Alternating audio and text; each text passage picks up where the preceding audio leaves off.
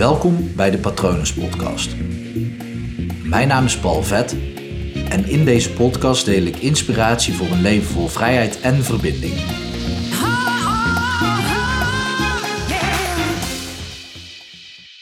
Waar maakt jouw hart wel een hupje van? Ik sprak laatst een cliënt en die zei dat zo mooi.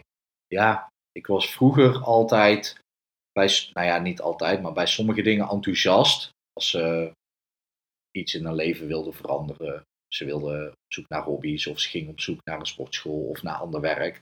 Dan zei ze ja, dan regelmatig maakte mijn hart een hupje, een sprongetje. En daar werd ze dan blij van. En nu vertelde ze mij, ja, dat, dat gebeurt gewoon de laatste tijd niet meer. Ik, ik heb het al een tijd lang niet meegemaakt. En dat is interessant, want ja, eigenlijk zou je hart gewoon altijd, heel je leven lang, om bepaalde dingen een hupje kunnen maken. Gewoon dingen waar je blij van wordt. Maar blijkbaar werkt het zo, en dat is ook echt het geval. Daar uh, kun je ook wetenschappelijk onderzoek uh, voor terugzoeken. Maar je hart, de emotie natuurlijk, die, die kan je afschermen.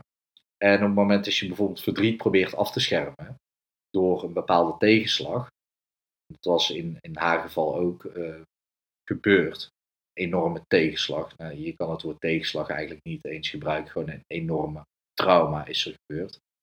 Uh, heeft met overlijden van een dierbare vriendin van haar te maken door middel van zelfdoding.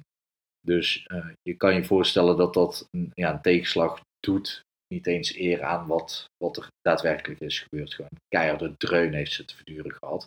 Maar wat um, die dreun veroorzaakt is dat zij haar hart ging afsluiten. Want dat is veilig. Want als er dan een nieuwe dreun komt, dan komt er niks binnen. Dan kan het geen pijn meer doen. Maar komt er een, iets uh, aan richting het hart wat normaal gesproken een hupje zou veroorzaken, dan komt dat ook niet binnen. En dat is hartstikke logisch. En dat is uiteindelijk ook wel zonde. Natuurlijk heeft het even tijd nodig om zoiets te verwerken. Uh, ook zoiets als een rouwproces. Maar ook in de rouw is het juist verstandig om gewoon alle emoties die je aan kan, daar zorgt je brein automatisch wel voor, um, dat die binnenkomen. Je brein zal nooit meer emoties binnen laten komen dan dat jij aan kan. Dat is een geruststellende uh, gedachte. Daarom gaat een rouwproces soms ook gewoon wat langer duren, omdat er steeds weer stukjes binnenkomen. Op het moment dat jij je hart openstelt en die pijn gewoon daadwerkelijk keihard doorleeft en die pijn niet gaat wegduwen, dan is er ook weer eerder een moment dat je hart weer hupjes kan maken. Een van die dingen die je daarbij helpt en die ik ook met haar heb besproken, is een simpele mindsetverandering. Want wat, wat er ook gebeurt is, je over, overlevingsmechanisme gaat gewoon ja, standje 100 aanstaan. Je overlevingsmechanisme is normaal gesproken al vrij actief. Uh, maar we hebben uit uh, de jaren, nou ja, hiervoor, eigenlijk alle jaren hiervoor dat we mens waren, op de afgelopen 200, uh, eh, misschien 100 jaar na, um, was ons overlevingsmechanisme zo alert en belangrijk. Want op het moment dat dat niet werkte, dan ging je gewoon dood. Nu maakt het vrij weinig uit. Ja, als je de straat oversteekt, dan is het nog steeds wel handig om gewoon echt even alert te zijn. Maar als je gewoon thuis op een uh, stoel zit, zoals ik, of uh, op de bank ligt, dan hoef je eigenlijk niet alert te zijn. En als je vacatures aan het zoeken bent of naar nieuwe hobby's aan het zoeken bent, dan, dan hoef je niet alert te zijn voor gevaar op de weg. Helaas ontstaat dat dus wel. Um, waardoor je dus op het moment dat je naar dat soort dingen gaat kijken, naar, uh, laten we het voorbeeld van vacatures nemen.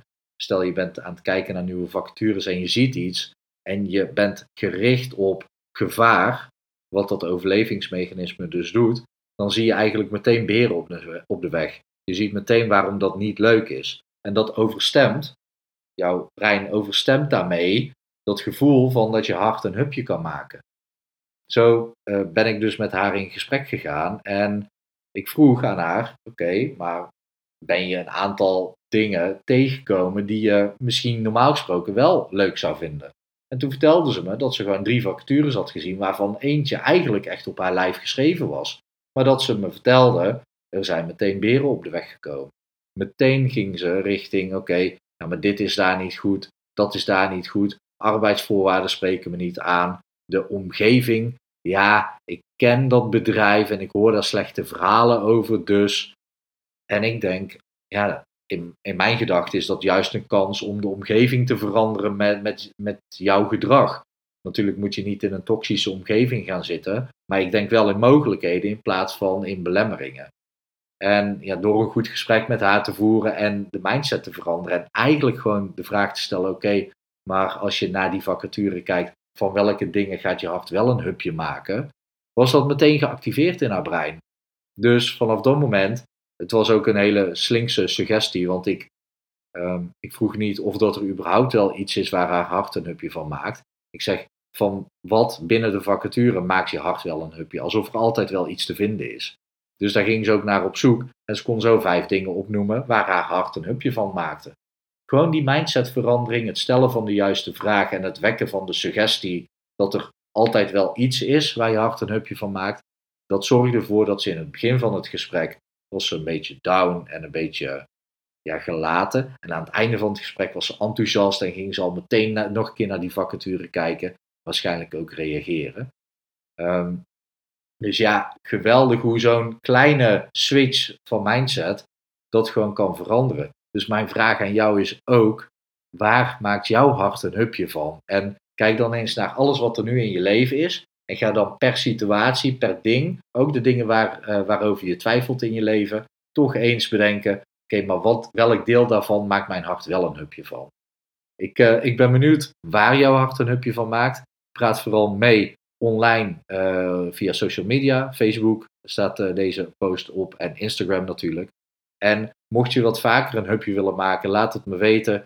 Of uh, kijk in ieder geval, ja, laat het me weten via patronen.palvet.com. Of kijk even op mijn website www.hypnopal.nl wat ik voor jou kan betekenen. Ik hoop dat het goed met je gaat. Ik hoop dat je hart een paar hupjes maakt. En ik wens je nog een hele mooie dag toe.